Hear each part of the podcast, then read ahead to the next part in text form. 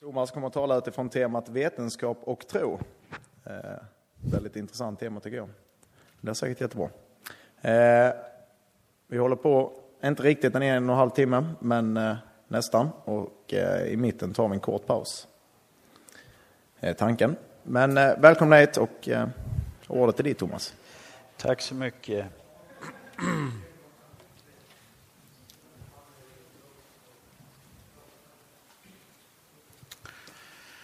Okej, eh, jättekul att komma hit.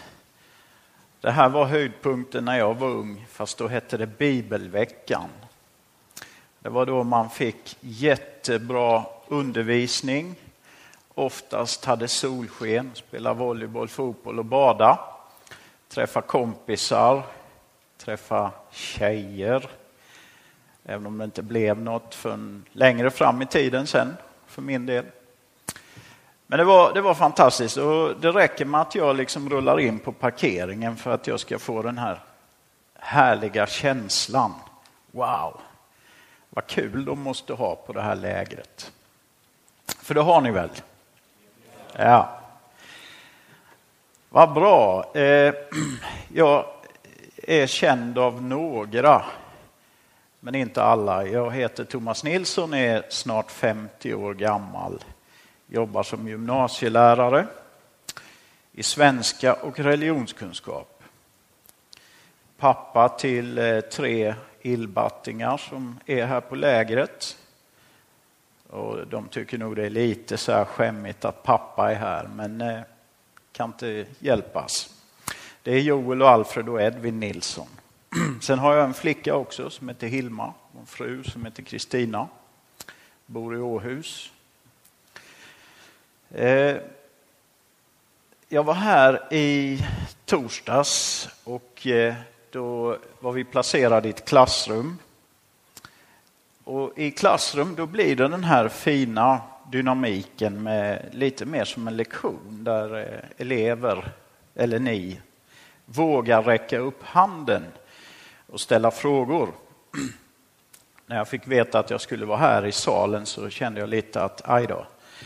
Men det, en stor lokal behöver inte betyda att man blir blyg, eller hur? Och när vi talar om sådana här saker som vetenskap, skapelsen kontra kristen tro, eller egentligen inte kontra, för det, det går så väl hand i hand. Skapelse, vetenskap och kristen tro. Och det är egentligen min huvudpoäng. Eh, men då är det ju så att det, det, det, kan vara viktigt att, att eh, om det är något som man inte förstår, att man vågar fråga. Eller kanske har man någon tanke att lägga till det som jag säger. Och gör det i så fall. Eh, vi börjar med att be för denna stunden. Kära Jesus Kristus, tack att vi har fått samlas här.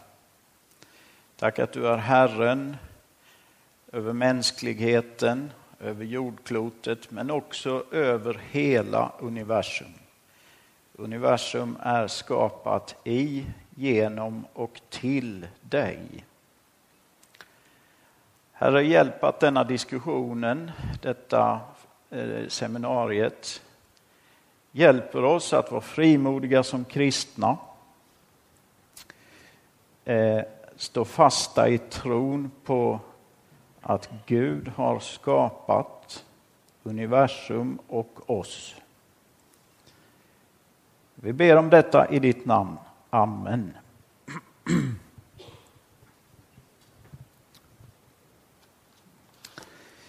Eh, man kan kalla detta seminariet för eh, apologetik, alltså till den kristna trons försvar. Eh, det är viktigt att kunna ge skäl för sin tro och kunna känna sig trygg. Att, att min tro är inte bara något som jag, jag har i missionshuset och när jag har vissa känslor, utan jag lever i den här tron. Jag, jag tror på Gud som skapare. Jag tror på Jesus som frälsare och den helige Ande som min hjälpare och vän. Eh, Bibeln talar ju om skapelse på många ställen och eh, vi börjar alldeles i början. Jag tycker det är majestätiska ord när det står så här i Första Mosebok 1. I begynnelsen skapade Gud himmel och jord. Och jorden var öde och tom och mörker var över djupet och Guds ande svävade över vattnet. Och Gud sade, var det ljus? Och det blev ljus. Gud såg att ljuset var gott och Gud skilde ljuset från mörkret. Och Gud kallade ljuset dag och mörkret kallade han natt. Och det blev afton och det blev morgon den första dagen. Och så fortsätter det första kapitlet att berätta om hur Gud eh, genom en, en process eh, skapar och inreder universum. Det blir mer och mer komplicerat, mer och mer fyllt av liv och sist av allt så skapar han mannen och kvinnan till att vara lika honom, till att vara hans barn. Till att vara i relation med honom. Eh, om vi går till Johannes evangelium så ser vi att han inleder på ett väldigt snarlikt sätt. Och det gör han säkert eh, medvetet. I begynnelsen så börjar även han. Johannes 1, vers 1. I början, alltså i begynnelsen, så var ordet. Och ordet var hos Gud och ordet var Gud. Det grekiska ordet för ordet, det är logos. Och det är från samma ordstam som vi använder ordet logik. Och då, då rör vi oss genast i den här sfären av ord som handlar om förnuftighet och ordning och reda. Eh, Johannes går vidare och tillämpar själva logosbegreppet på Jesus Kristus eh, och säger att allt blev till genom honom, alltså genom ordet. Och förutom honom blev ingenting till. Eh, det är fantastiska ord. Det vi ska på ett särskilt sätt tänka på just nu, det är ordning. I begynnelsen var ordning, alltså Guds förstånd var i verksamhet. Och det står i en psalm i Saltaren, tror det är den 118, att Gud har skapat världen med förstånd. Så världen är väl ordnad. Vi kan tänka på en sak som jag kommer att tala om lite längre fram DNA-koden. Eh, ni vet det som finns i människans gener. Det är ett språk som talar om för biologin, för cellerna, cellkärnorna och mekanismerna där hur de ska producera och reproducera sig själv. I begynnelsen var ordet, Guds ordning, Guds förstånd. Gud har skapat världen med förstånd. Eh, jag är ju svenska lärare. Och då undrar kanske någon, vad har en svenska lärare då att göra inom naturvetenskapen? Ja, det är så att jag är väldigt intresserad av just den här frågan om kristen tro, hur den förhåller sig till modern vetenskap. När jag var ung så fick vi väldigt hjälp av en man som nu är gammal, han heter Lennart Axelsson. Han talar mycket om skapelse eh, och kritiserade evolutionsläran. Och så har jag känt att någonstans så kanske någon behöver ta hans plats och eh, jobbar med de här frågorna. Så jag är både intresserad av frågorna och känner att någon behöver undervisa om dem. Och sen tror jag jag vågar säga att trots att jag inte är fysiker eller biolog eller kemist eh, så kan jag läsa innantill i böcker som är skrivna av kristna forskare, till exempel de här två. Eh, och lyssna vad de säger och försöka förstå deras tankegångar. Alltså man måste inte vara professor i, i kosmologi för att prata om universum. Utan det finns fakta, eh, pålitlig fakta och, och vattentäta resonemang, bra argument. Eh, så att jag har helt enkelt läst ett antal böcker. Jag har inte med mig alla här, jag har tre böcker. Jag har väl ett helt gäng där hemma som handlar om de här frågorna. Men den jag kommer att citera mest ur och som jag skulle rekommendera att du köper, det är den här. Guds dödgrävare. Och då kan man ju bli lite förvånad över titeln, tänker det här är en, en bok som är mot Gud. Men det är det inte. Underrubriken är Har vetenskapen begravt Gud? Eh, titeln kommer sig av att för 20-30 år sedan så sa många rätt så kaxiga vetenskapsmän att nu, nu fattas bara lite grann, lite mer forskning, sen kan vi begrava tanken på Gud behövs inte någon Gud, för nu vet vi allt, hur allt har gått till och hur det fungerar. Så författaren som heter John Lennox och är en skotte, professor i matematik med en lång akademisk karriär på olika universitet. Han tar liksom tag i den, eh, det påståendet och frågar, har vetenskapen blivit Guds dödgrävare? Och svaret är ett rungande nej. Vetenskapen har inte begravt Gud. Utan det är precis tvärtom. Modern vetenskap redovisar fakta som är mycket svåra att leva med om man inte vill erkänna att det finns en hög intelligens bakom. Både det oändligt stora universum och det jättelilla. Cellen, DNA-koden, eh, atomen, hur de fungerar. Är det några tankar så långt? Eh, bakgrunden till, till detta är att jag gärna fördjupar mig i detta och, och talar om det är också att på senare år så i massmedia har det framträtt ganska mycket hånfull kritik mot de som tror på Gud. Eh, I Sverige finns det en förening som kallar sig Humanisterna. Och ganska ofta så ser man deras ordförande i tv.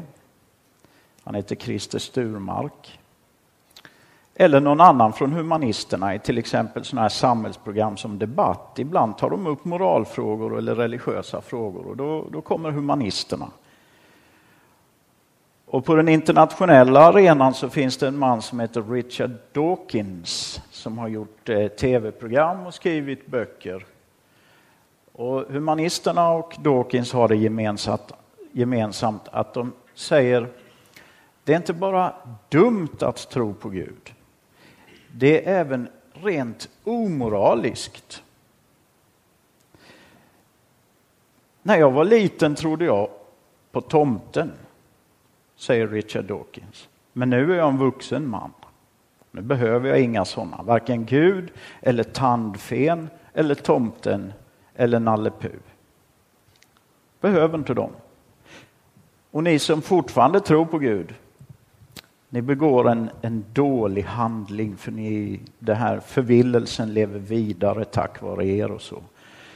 Och det, där, det är ganska hemska saker som han säger. Och personligen tror jag att han förlorar rätt mycket på, på att vara så nedlåtande för ganska många känner att varför kan han inte diskutera sakligt utan att smäda sina motståndare?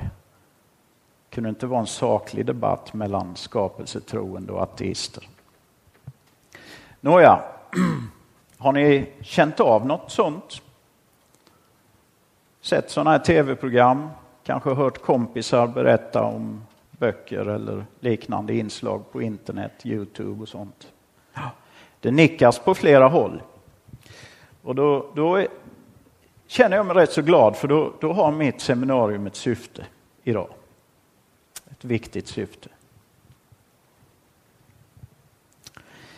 Vi kan börja med frågan om, som mina pojkar kommer hem och säger, du pappa, kristendomen har ju hela tiden egentligen motverkat vetenskapen. Nej, säger jag, det är inte sant. Jo, det är det, för det har vår lärare sagt. Och det där sprids också ut. Vet, eh, kristendomen är vetenskapsfientlig. I själva verket så, så är det, om man tittar bakåt i historien, det finns några exempel då kyrkan och de kristna eh, har agerat kanske eh, på ett, ett sätt som inte är bra mot vetenskapsmän, till exempel mot Galileo Galilei och Copernicus, just det här med är inte jorden centrum i planetsystemet? Här, men det, vi, vi vill tro att den är centrum. Där hade man fel. Men när det gäller att ta reda på fakta så kan man genom historien se att många universitet har startats och drivits av kristna. I många kloster så har munkarna bedrivit forskning. Många vetenskapsmän har varit personligt kristna, till exempel Newton. Faktiskt även Darwin, eh, även om det nog blev lite si och så med hans kristna tro eh, längre fram i livet. Einstein verkar inte ha varit personligt troende. Man bråkar lite om det faktiskt. Orsaken att man skulle kunna misstänka att Einstein trodde på Gud är att han flera gånger har sagt när han har räknat sina ekvationer och förstått relativitetsteorin och så, säger att nu förstår jag hur Gud tänkte. Alltså han använder ändå begreppet Gud när han fascineras över det han ser i fysiken. Eh, den som var ansvarig i USA för kartläggningen av det mänskliga DNA han heter Francis S. Collins. Eh, han är personligt kristen. Och det förstår ni ju att man ger inte det jobbet till en som man inte har förtroende för. Chefen för kartläggning av, av hela det mänskliga DNA det skedde för några år sedan, kanske tio år sedan. Eh, så att man kan varken säga att kristna i allmänhet är, är dummare i huvudet än andra och man kan inte heller säga att kristendomen är vetenskapsfientlig. Utan som kristna vill vi ta reda på hur världen fungerar. Och det har styrt mycket vetenskap i historien. Att få reda på hur det hänger ihop. Någon som vill kommentera det?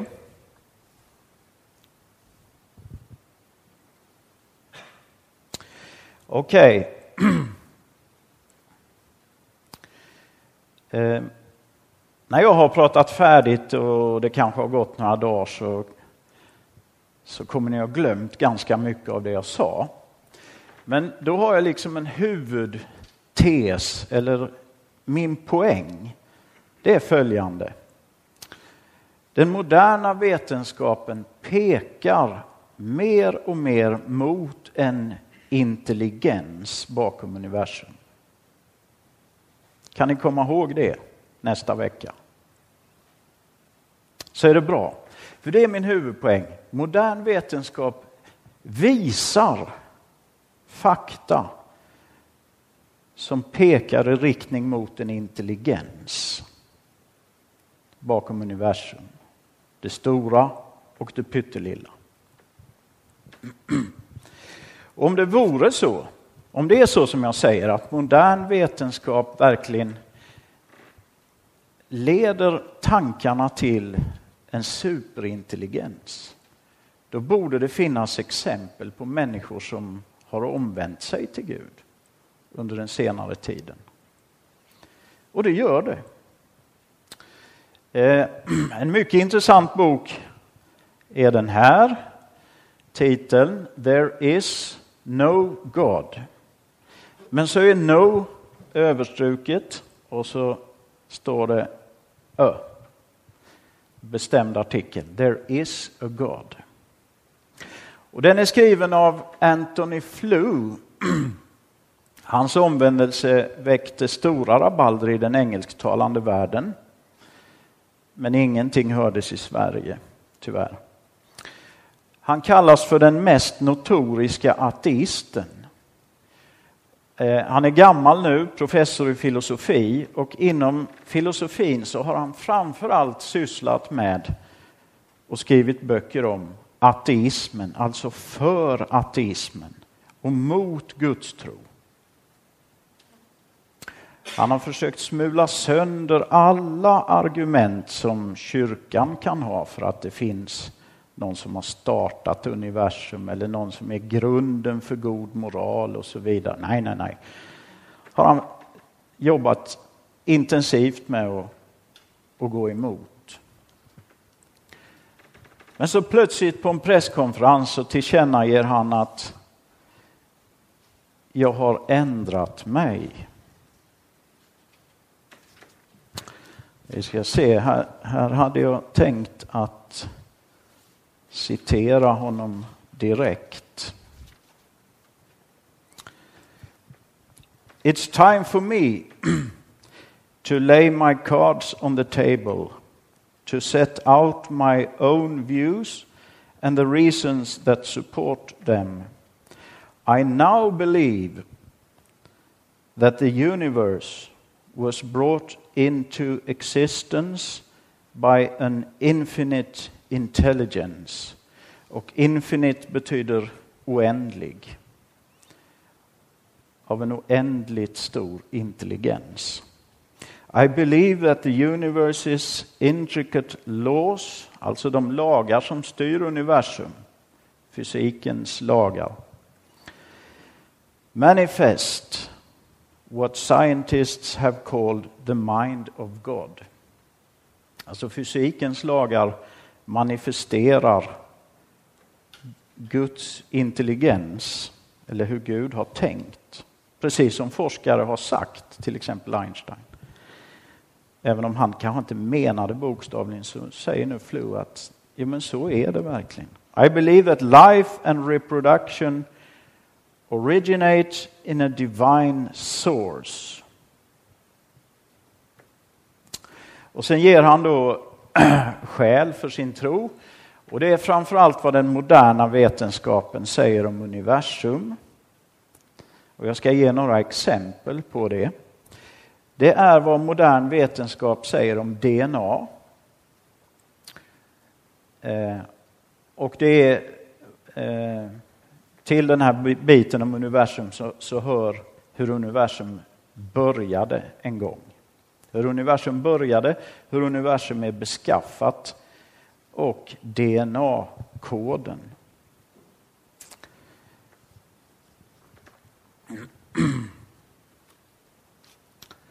Om vi börjar med universums ursprung så trodde man eh, ganska långt fram på 1900-talet att universum är evigt. Har alltid funnits. Kyrkan som testade att komma med ett så kallat gudsbevis sa att allting som existerar måste ha en början. Alltså måste också universum ha en början och någonting som har orsakat universum.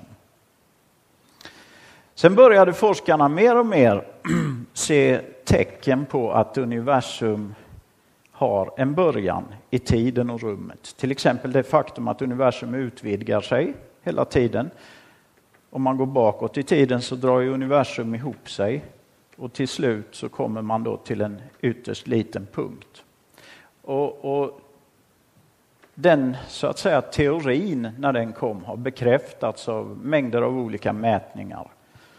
Att det stämmer, universum måste ha haft en startpunkt. Och då har jag frågat min fysiklärare om man verkligen kan säga så här som, som det står i böckerna. Att, nämligen att all massa som finns i universum en gång var samlad i en enda liten punkt som var så liten att den egentligen inte fanns. Kan man verkligen säga så? Och då säger min fysiklärare, min kollega, ja, så det är precis vad de menar på sitt fina vetenskapliga språk. All universums massa samlad i en pytteliten punkt som den var så liten så den egentligen inte fanns. Det, det, det går inte riktigt att hänga med i tanken va? hur det såg ut. Eller hur, ja, det fanns inte allting och det fanns egentligen inte. Men det är så man menar. Och, och då plötsligt så får den här frågan vad fanns före universum och vad orsakade att universum plötsligt expanderade från det här som nästan inte fanns eller inte fanns till det det är idag. Eh, då får den frågan ny aktualitet. Vad orsakade och vad fanns före?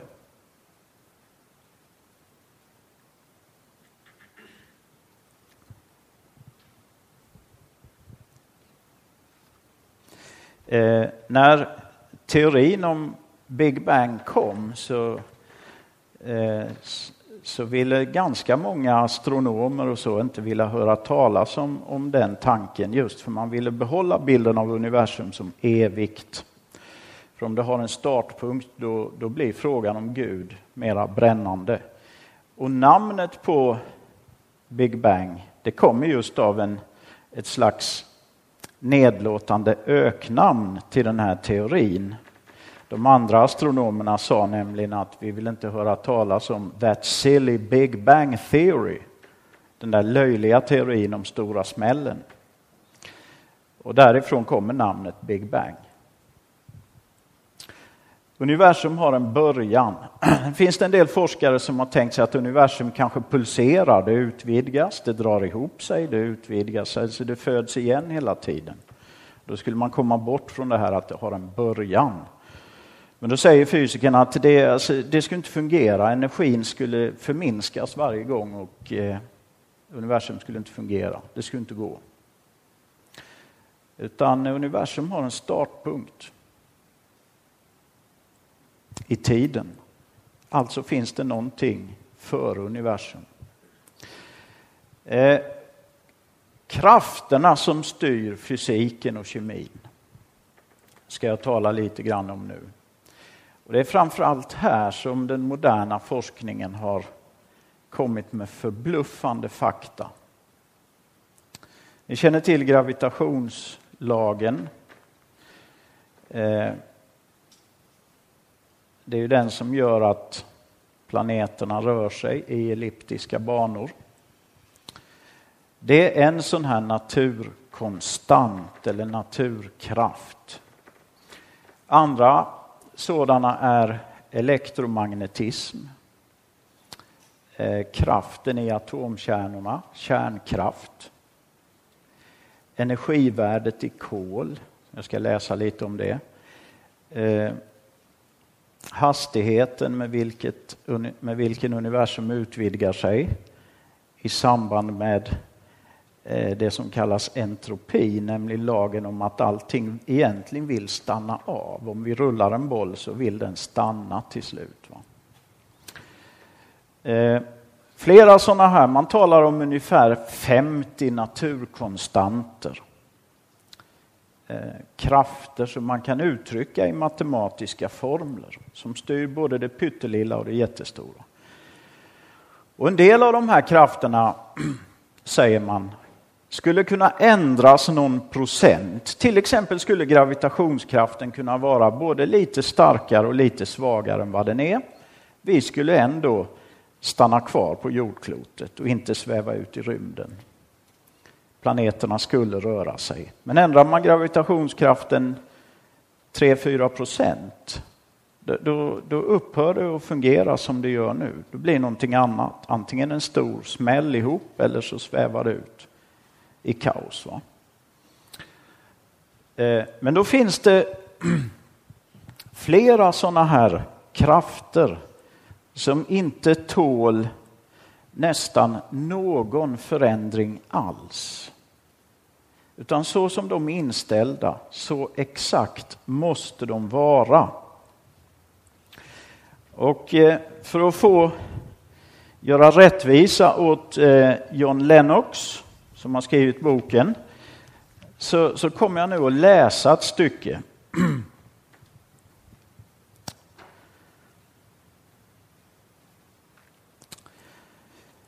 Den anmärkningsvärda bild som gradvis framträder ur den moderna fysiken och kosmologin är nämligen en bild av universum, ett universum vars fundamentala krafter är förunderligt sinnrikt och utsökt väl finjusterade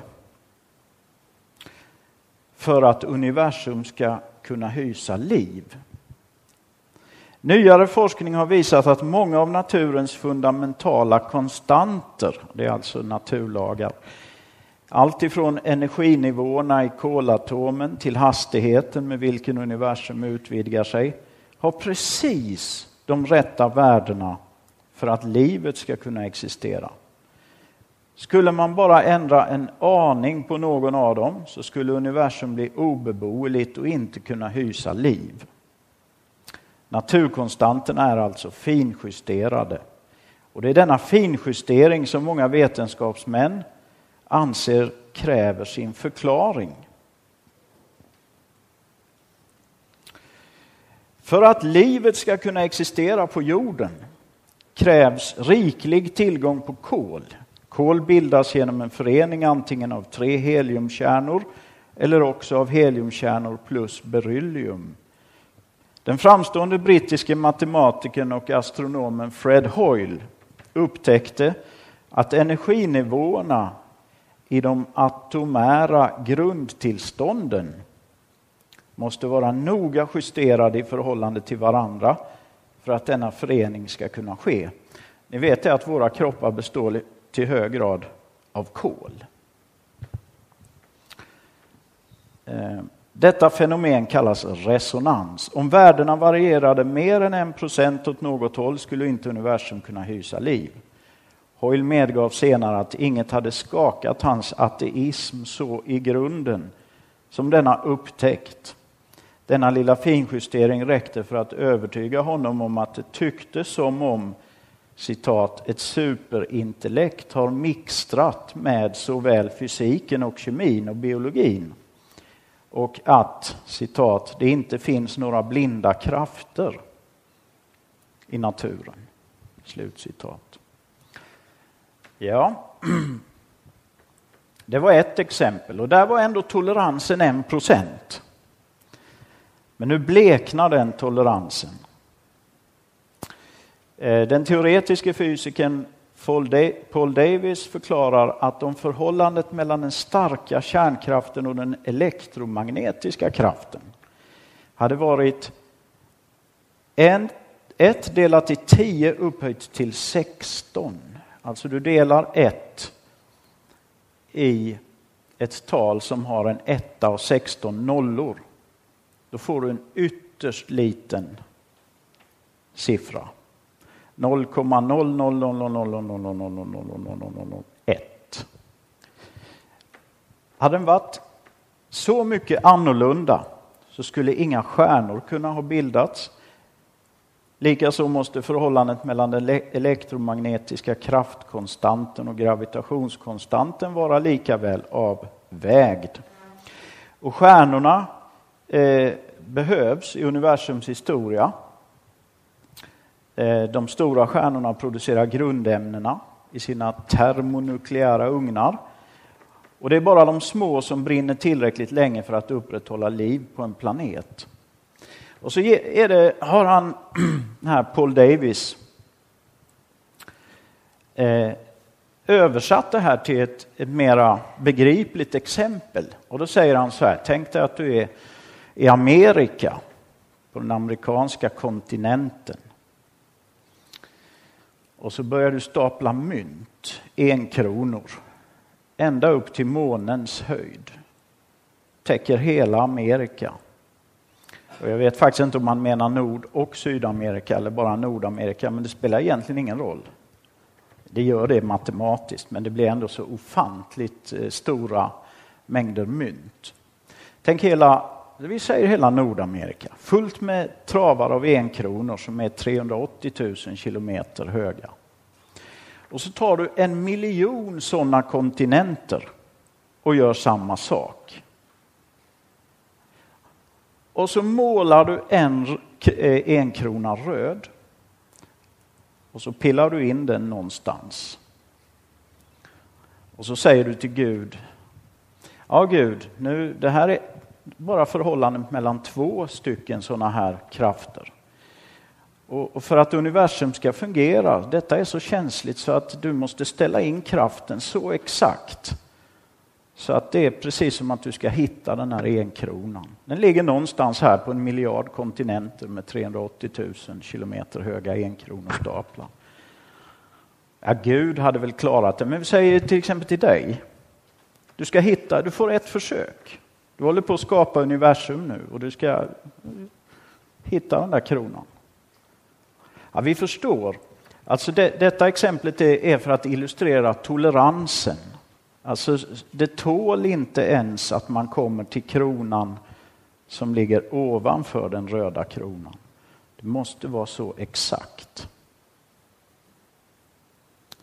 Och bland annat detta och liknande exempel var det som fick Anthony Flew att bli kristen. Han började alltså inte bara tro på Gud, den här gamla ateistprofessorn, utan han valde kristendomen som sin religion. För man undrar ju, hur kan det ha blivit så exakt? Naturkonstant efter naturkonstant är exakt inställd för att universum ska vara så som det är.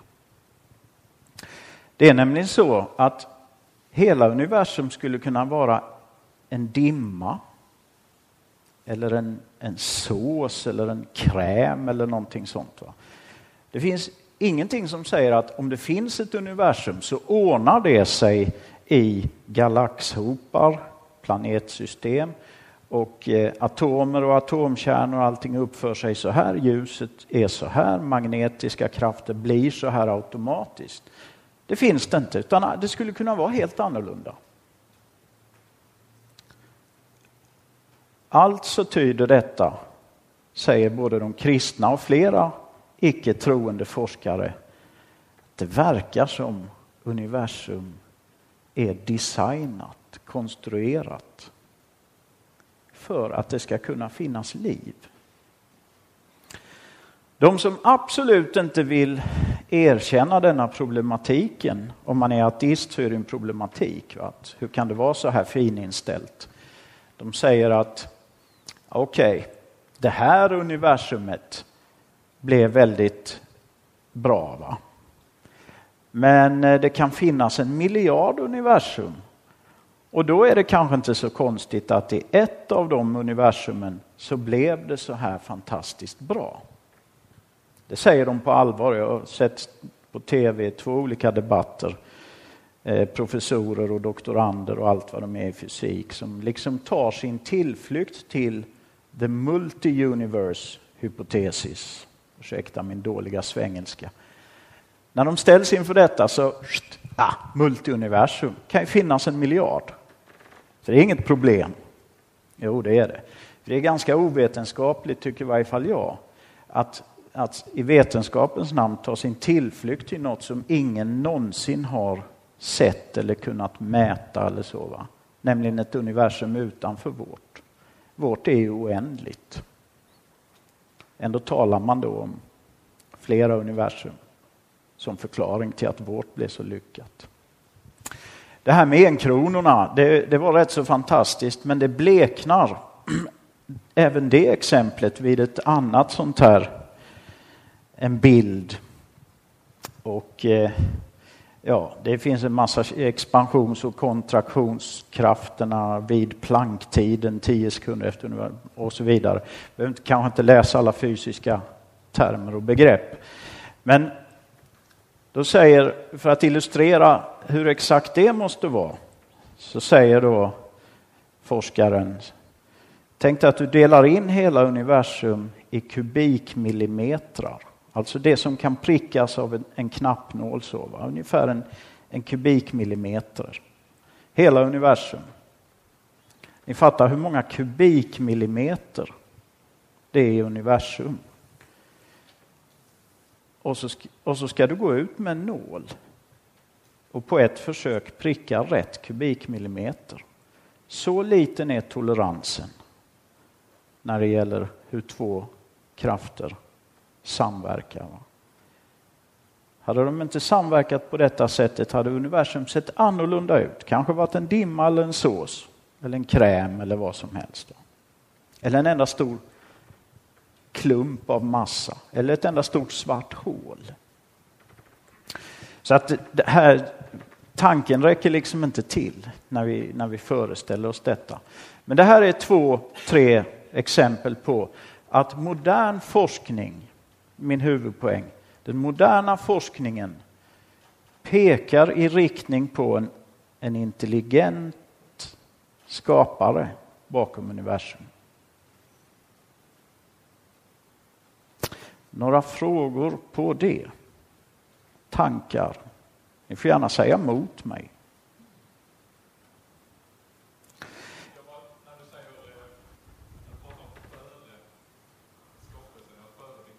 Ja.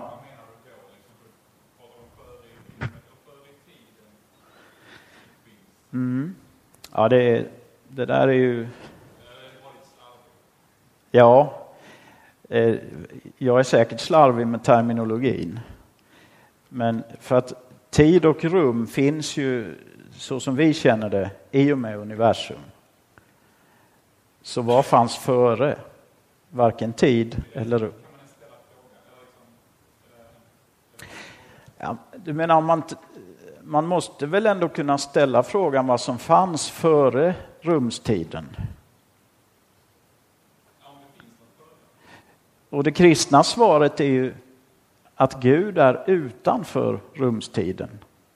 Han är evig. Så att en kristen förklaringsmodell, inga problem. Det faller på plats direkt. Va? Men det är klart, om vi inte räknar med Gud, då, då blir frågan vad som fanns före tiden en, en slags, i varje fall semantisk, alltså ordmässig motsägelse.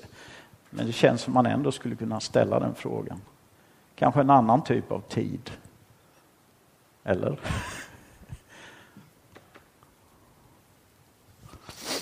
ja.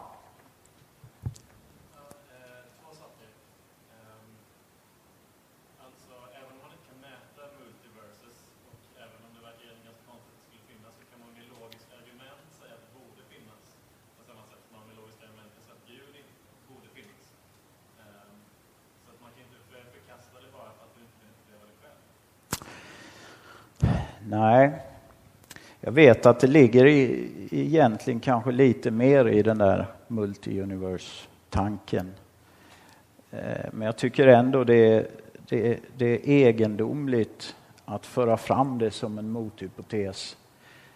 Eh, jag vet att forskare säger att bara det faktum att ett universum finns gör ju det möjligt att det kan finnas fler. Och det kan man inte säga emot.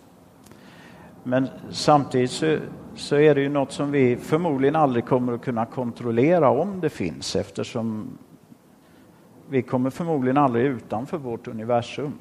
Det tycks ju vara oändligt och dessutom expanderande, eller åtminstone expanderande. Kanske mätbart tvärs över, jag vet inte. Men ja. Ja.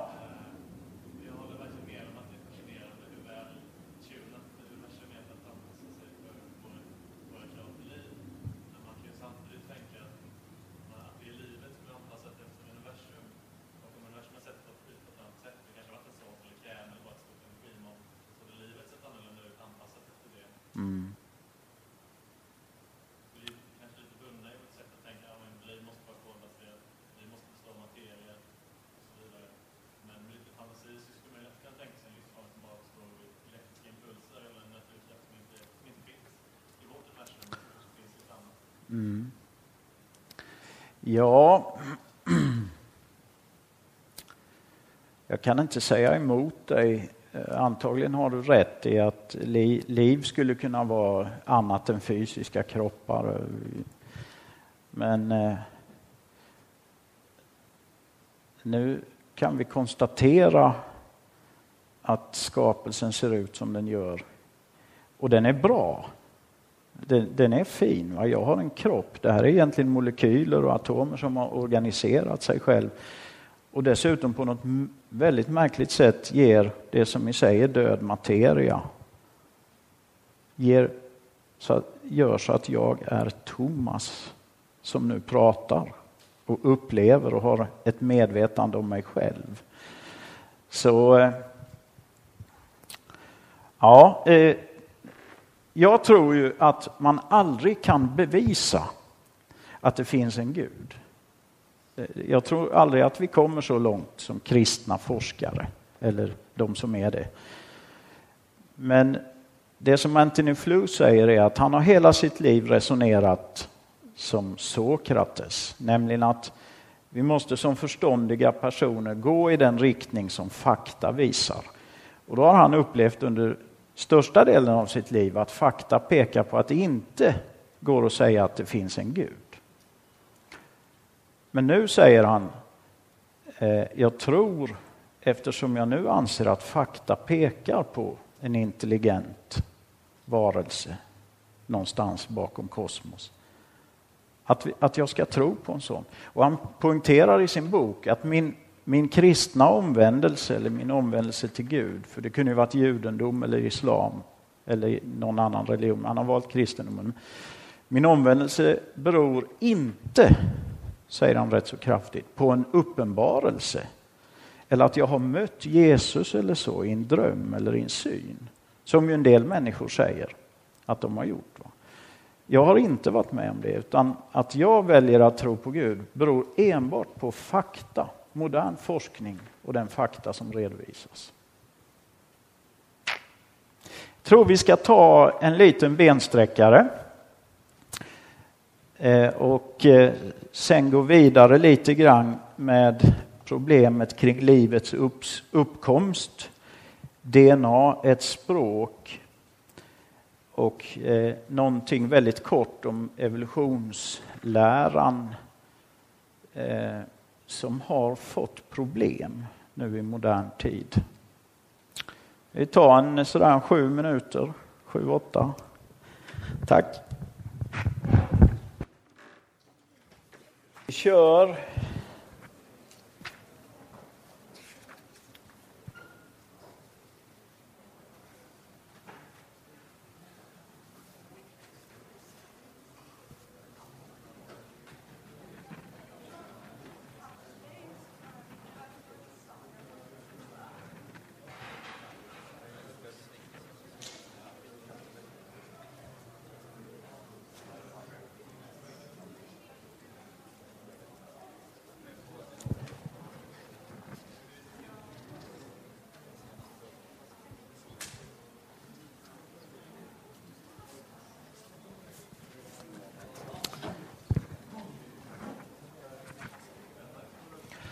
Okej. Okay, eh, den här boken är full av citat också av både troende och icke troende forskare på hög nivå, nobelpristagare och så vidare. Och det, det är rätt kul eh, att se. Här är en som inte är kristen som ändå slår fast att om vetenskapen grundar sig på erfarenhet då säger vetenskapen att den information som finns inkodad i DNA måste ha sitt upphov i en intelligent orsak. Vi kommer lite mer till DNA-koden längre fram. Den här mannen han heter Kenyon, biofysiker. Eh, Alan Sandages, den, nu främst, eh, den främste nu levande kosmologen anses han vara. Han säger världen är alldeles för komplicerad i sina beståndsdelar och inbördes förhållanden för att bara ha uppstått av en slump. Jag har blivit övertygad om att livet, med all sin ordning hos varje liten organism helt enkelt är alldeles för välgjort. Och han har också kommit till tro, den här mannen. Så att det finns, jag skulle kunna under säkert en hel timme läsa sådana här citat. Einstein säger nu ser jag hur Gud tänker och så vidare. Ja. Eh, ofta är det ju så att i skolan så, så i läroböckerna och jag vet inte hur era lärare har varit men många gånger så får man en oerhört förenklad bild i skolan. Det här är toppforskare och de är mycket mer ödmjuka. Och någon har liknat den moderna forskningen, man säger, någon kanske tror så här, snart har vi forskat färdigt. Men, men eh, en bättre bild tror jag är den som en annan forskare ger, att forskningen är som en ö, den växer. Men ju mer den växer, ju mer ökar också kontaktytan mot havet, det okända. Så att man är mycket mer ödmjuk. Eh, Eh, jag tror att ni har läst i en lärobok att eh, en gång för länge sedan så i en vattenpöl där det blixtrade och kanske var det också radioaktiv strålning där, så bildades en organism som på något sätt fick liv och reproducerade sig själv. Har ni det? Eh, jag vet inte om jag ger en, en elak karikatyr av era läroböcker, men lite så tycker jag det har eh, framställts många gånger. Och då är det liksom, det är inga problem, det fattar vem som helst att om det har pågått miljard, eller flera miljoner, ja, jorden är ett antal är det 3,5 miljarder år? Någonting sånt. Så någon gång måste du ha, liksom, tänk vattenpölar och så. Det, måste, det är ju inte otroligt att det någon gång blir någonting som plötsligt börjar leva. Men de som forskar på detta har hållit på med det i flera år. om, om livets uppkomst. De säger att i själva verket så, så tycker vi nu att det, det är svårare att tänka sig hur det skulle kunna gå till än vad vi trodde för 30 år sedan. En som har forskat om detta heter Klaus Dose. Han har sagt mer än 30 år av experimenterande kring livets uppkomst på den kemiska och molekylära evolutionens område har nog snarast lett till en bättre förståelse av hur oerhört svårlöst problemet med livets uppkomst på jorden är än att man närmat sig dess lösning. För närvarande mynnar alla diskussioner om principiella teorier och experiment inom området antingen ut i ett dödläge eller i ett erkännande om att vi vet alldeles för lite. Det som måste ha hänt det är ju att ett antal proteiner eh, måste ha hamnat i en särskild ordning. Ett antal aminosyror som, som har bildat protein, rättare sagt.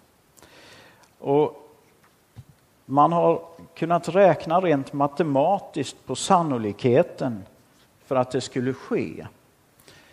Eh, det enklaste proteinet har cirka 100 aminosyror. Eh, och de, de måste komma exakt i rätt ordning. Och jag läser till så att det blir helt rätt.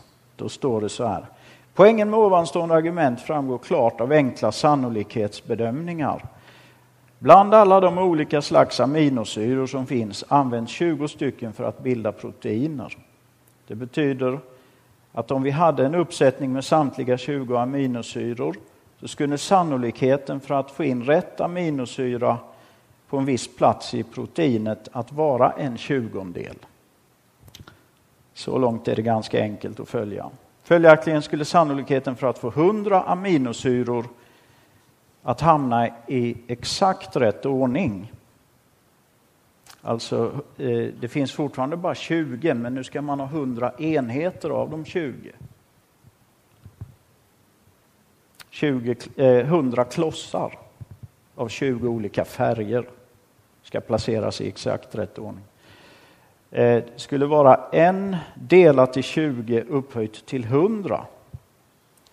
Vilket motsvarar omkring en på 10 upphöjt till 130.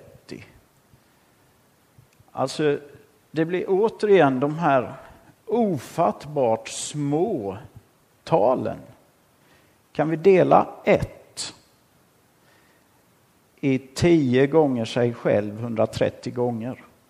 Dela ett i ett fantastiskt stort tal. Så vi får så lite så att det liksom det blir ytterst, ytterst osannolikt att bara ett enda protein av sig själv skulle få alla de här bitarna på plats. Och sen finns ju nästa problem.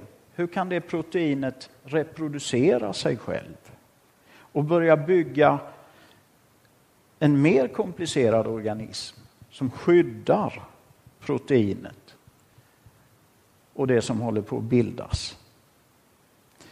Eh, ni förstår kanske varför de säger att 30 års forskning kring det här har lett till att vi kommer ingenstans. Det, det, är alltså det är så oerhört svårt att tänka sig hur det har gått till. Ändå så kan man läsa, i, som jag sa, i läroböcker och jag tror även Richard Dawkins, jag vet inte, du har läst honom rätt mycket. Alltså, han kör väl ungefär med det här att visst, det är väldigt svårt att tänka sig, men förr eller senare händer det något mirakel. Och det måste det ha gjort, för vi finns ju här. Så resonerar för övrigt många eh, ateistiska vetenskapsmän att det finns ingen Gud. Vi finns, alltså måste vi ha blivit till eh, av slumpen under väldigt lång tid. Matematiker har räknat på, när man har undersökt mutationer och liknande, till exempel i myggan, när parasiten som finns i malariamyggan som orsakar sjukdomen malaria. Man har forskat på det i 130 år, eller om det är 150. Och man har sett att under den här tiden så har den här parasiten, det, det finns egentligen bara en mutation som har, har gett parasiten en fördel. Allt annat är, är en försämring. Och, man, och, det är alltså en otrolig mängd generationer av parasiten. För att en, en människa reproducerar sig själv när hon är 20, kan vi säga, 25, 18. Någonting sånt. Då får vi barn. Va? Medan bananfluga, E. coli-bakterien och den här parasiten, det, det hinner på ganska kort tid bli väldigt många generationer. Och så ser man då nästan alla mutationer är negativa. Man kan hitta någon enstaka som kanske har gett eh, parasiten en fördel. Och då, då, har det hänt på en vetenskapskongress att några unga matematiker räckte upp handen och, och frågade eh, evolutionistprofessorerna, ursäkta oss men vi har räknat lite så här liksom, om mutation, om det, om det går till så här och det sker med den här väldigt låga hastigheten så då räcker liksom inte tiden till. Jorden måste ha funnits mycket, mycket längre. Och då blev de fick en utskällning från scenen, de här unga matematikerna. Är ni inte seriösa? Är ni inte vetenskapsmän? Hur menar ni då att det har gått till? Så det, det verkar finnas heliga kor inom vetenskapen. Vi måste ha blivit till av en slump, successivt utvecklats. Eh, e. coli-bakterier och bananfluga visar också att mutationer, det fungerar inte riktigt så som Darwin tänkte sig. Eh, man kan utsätta bananflugor för påverkan på olika sätt. Va? Och då händer det att deras avkomma kanske får fyra antenner istället för två. Eller att frambenen sitter i huvudet. Det är faktiskt exempel. Men i de fall där de som har fått de här defekterna kan få egen avkomma så är avkomman en korrekt bananfluga, det vill säga DNA är så säkert att det korrigerar för fel i nästa generation. Det är sånt som man har upptäckt. Darwin för övrigt, han, på hans tid kunde man se celler i mikroskop och han sa att cellen är en plasmaklump. Idag vet man att en cell är ett alldeles fantastiskt eh, tekniskt mästerverk. Och, och, bara på en punkt i en bok, punkten över i, eh, ryms det några hundra celler. Så ni förstår hur många celler som finns i era kroppar. Varje enstaka cell är mer komplicerad, skriver de, än någonting som människan hittills har konstruerat. Och då har vi ändå lyckats med ganska avancerad teknologi. Vi har till exempel rymdstationer som cirkulerar där ute. Vi har internet och vi har väldigt mycket fina instrument. Det som sker i, i varje enstaka cell det är mycket mer fint och mycket mer komplicerat. Grunden i det hela det är DNA. Och det har ni säkert läst om i skolan. DNA-koden som har fyra tecken. Den delar på sig och tillåter att den blir läst, kopierad och så förs faktan bort och så tillverkas då någonting utifrån det som DNA-cellen talade om skulle tillverkas. Allt detta sker i cellens kärna. När man lyssnar i rymden efter intelligent liv det, jag, jag, föreställer mig att det är som att slå på radion och det inte är någon kanal inställd. Att ungefär så låter det. Om, om man då hör du du du du du du du du då skulle det nästa dag stå i tidningarna det finns intelligent liv i universum. Vi har mottagit en signal som består av fyra tecken som upprepas. Lite olika variation. DNA, säger Anthony Flew och flera andra, vi måste betrakta DNA som information, som ett språk. Det, man kan inte kalla det något annat än ett språk. Det, det består av tecken och det bär information. Informationen avläses förs vidare till fabriker som tillverkar det som ritningen talade om. Det är ett språk. Och språk uppstår aldrig av sig själv i ett meningslöst universum där bara slumpen finns. Där uppstår inte intelligent kommunikation. Alltså tyder DNA på en intelligens någonstans bakom universum. Kommentarer på det?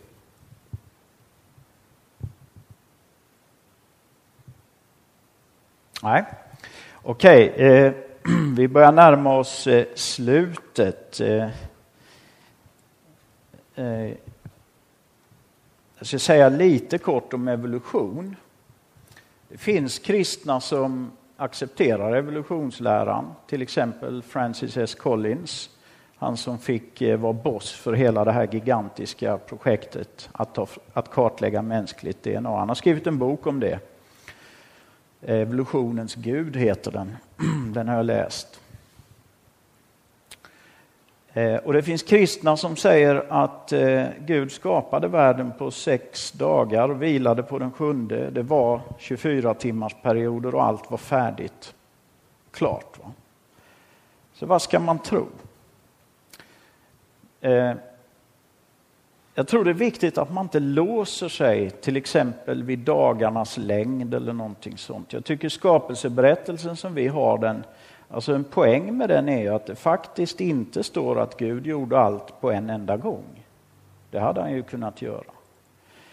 De sju eller de sex dagarna kan ju vara en bild för en process som blir mer och mer komplicerad. Va? Och det ordet på hebreiska som är översatt som dag, det är jom. Det betyder tidsrymd egentligen. Sen är det väl bara, det är på fjärde dagen som månen och solen eh, placeras in till jorden. Och, och, alltså egentligen är det först då som dygn kan börja räknas i mänsklig tid. Så jag tänker för mig själv att eh, säger vetenskapsmännen x antal miljarder år så kan det ha tagit det. Men så tänker jag också så här, för Jesus säger eh, när denna tiden är slut och denna världen, himlarna, alltså universum och jorden förstörs så, och, och så står de som är frälsta där inför Gud. Då ska Gud skapa nya himlar och en ny jord. Och då tänker jag, då ska vi inte behöva vänta 13,5 miljarder år innan vi får kliva in i den lilla röda stugan vid sjön i himmelen. Utan det där sker med en väldig hast. Va? Alltså tänker jag också att det som tycks ha en väldigt lång tid kan ha gjorts väldigt fort. Det finns ju det här undret också när Jesus skapar vin. så Vid ett bröllop så är det det bästa vinet. Alltså, och med andra ord, det som har mognat längst och får bäst smak. Och Jesus skapar det i ett enda nu genom att i princip befalla vatten att bli till vin. En skenbar ålder. Jag tror man, man ska i varje fall inte liksom låsa ner sig i något fack. När det gäller evolutionen så är jag personligen rätt så skeptisk av flera skäl. Jag vet att kristna tror på evolutionen. Men i så fall måste man nog läsa skapelseberättelsen på ett väldigt så att säga, poetiskt sätt. Att, att det som står där är mest en dikt som inte ska tas för bokstavligt. Eh, evolutionen innebär ju egentligen att döden är det som skapar. Va? Därför det svaga går under och det starka lever. Men en väldigt stark poäng i skapelseberättelsen är att allting var, var perfekt när Gud hade skapat och döden fanns inte. Och Sen kan man också konstatera vad många forskare säger. Vi har forskat nu, vi har letat efter de här mellanformerna i fossilen i 150 år eller 120 år eller någonting sånt. Det är väl 150 år sedan Darwin föddes. Och det har blivit färre mellanformer. Hur kan det bli färre mellanformer? Jo, till exempel den här kvastfeningen, en fisk som har liksom nästan tjocka armar en liten kort bit ner och sen så fenor på armarna. Den här hittar man ju i fossil och så, men här ser ni hur fiskarna har börjat få ben. Det var bara det att rätt vad det var en dag på 60-talet eller så, så, så hittar man sådana i havet, i Stilla havet. De fick upp dem i nätet. De lever nu. Men de passar ju in för x antal miljoner år sedan egentligen och skulle inte finnas längre för det var bara en mellanform. Och man kan läsa, alltså de som är i läroböckerna så, så är det inga problem. Va? Det är bara att rita bilder av fiskar som kravlar upp och apor som blir människor. Och när man ser det ritat så ser man, man blir nästan övertygad av de teckningarna. Det är ju väldigt, men så, se vad lika de är hela vägen. Men de som är verkligen proffs på detta, de erkänner att det är faktiskt oerhört tråkigt att vi har inte under alla de här åren av forskning egentligen lyckats visa hur det har gått till. Och en som heter Nils Eldridge, han säger att de flesta tror att evolutionen är en enkel sak. Men i själva verket så är det någonting som inte verkar gå ihop. Det är också ett citat. Han är inte kristen. Han bara erkänner hur det är. Han är expert. Eh, och någon annan säger, vi letar och vi letar och vi hittar en del som inte tyder på evolution. Och det är ju så att evolutionen kan ju inte hela tiden ha pågått någon annanstans än det vi har kartlagt. Sen är det det här med mutationer och liknande. Det, det, det funkar inte så som, som man trodde förr, va? att eh, en mutation är positiv och den sparas alltid. Nej, DNA kanske tar bort den saken i nästa generation. DNA är en mycket säker grej. Mikroevolution finns och det tycker jag är en bra sak som Gud har gjort. Det, kan, det finns ju olika hundraser. Ju. Och det är ett exempel på hur Gud i en djurart har från början lagt ner en väldig massa så att säga vilande anlag. Så att djurarten kan anpassa sig. Det finns olika typer av kattdjur, olika typer av björnar. Det är anpassningar till klimat och liknande. Alltså det finns en seghet i varje art, en anpassningsförmåga. Men en björn är alltid en björn. Och du kan aldrig para en björn och en katt och, och, och få en ny art. Det verkar vara som det faktiskt står i Bibeln, att Gud har skapat efter arter. Och sen har de sett lite, funnits små hästar till exempel, som inte finns nu. Elefanter har sett annorlunda ut. Finns inte nu, mammutar och så vidare. Men det, det är en anpassningsförmåga inom arten. Det kallas mikroevolution. Det är inga problem, det finns. Men makroevolution, det är det forskarna inte kan visa. Så därför är jag skeptisk till evolution. Jag tror att Gud har skapat färdigt. Nu har jag sagt lite om väldigt många saker och jag hoppas att ni kommer ihåg en del. När era föräldrar eller kompisar frågar er vad pratar Thomas om? Då kan ni kanske komma, han pratar om att stapla mynt ända till månen och hitta ett rött mynt. Kan ni minnas det? Eller pricka en kubikmillimeter i universum, att det är väldigt svårt, att det talar för. Och så kommer då min huvudpoäng. Modern vetenskap pekar på en intelligens bakom universum. Det, det, kom ihåg det. Och då kan ni ju också komma ihåg att ateister har omvänt sig på grund av detta. Till exempel Anthony Flew, professor i ateism sedan många år. Han har vänt om till Gud på grund av detta. Modern vetenskap pekar på en intelligens. Ja, eh, jag känner mig rätt så klar. Hoppas jag inte har tryckt in för mycket. Eh, jag är rädd för det som lärare när jag undervisar också. Att man, man har så mycket att berätta. Men gör man det så minns eleverna egentligen inte ens vad jag sa i början. Men eh, några grejer hoppas jag ni tar med er.